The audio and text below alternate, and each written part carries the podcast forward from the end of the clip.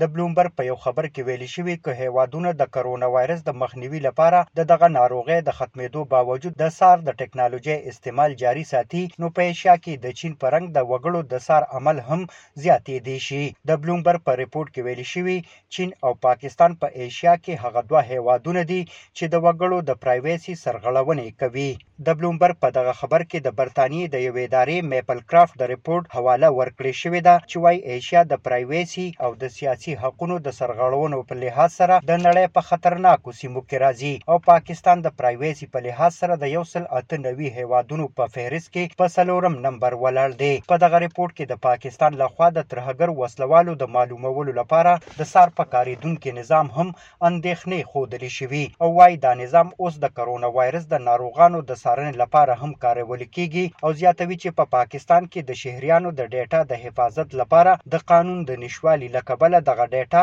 د خلکو خلاف هم استعمالېدی شي. اسلام اباد کې د سوشل میډیا د حقونو د څار ادارې بایټس فار آل سره کارکوونکي فعال هارون بلوچ وایس اف امریکا ډیوه ته وايي، د پرایویسي په حوالې سره خطرې ډېرې زیاتې دي او په خصوصي توګه په کوم ډول چې په پاکستان کې د ټکنالوژۍ په حوالې سره پرمختګ کېږي او په هغې کې د بشري حقونو اړخ نه کتل کېږي، ګني هسې خو پاکستان د ملل متحده او د نړیوالو ادارو سره د کړي لوظونو په بنیاد پابند دی چې د ولس د پرایویسي د حق حفاظت وکړي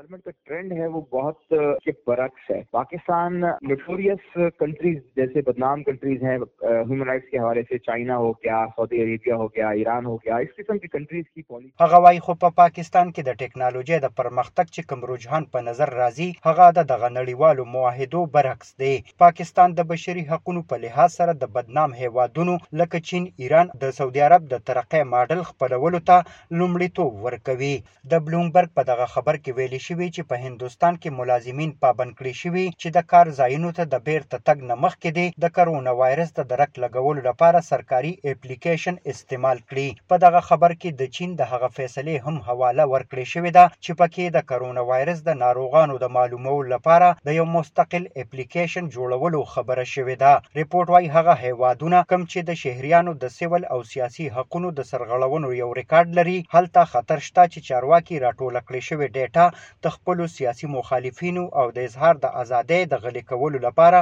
وکاروي.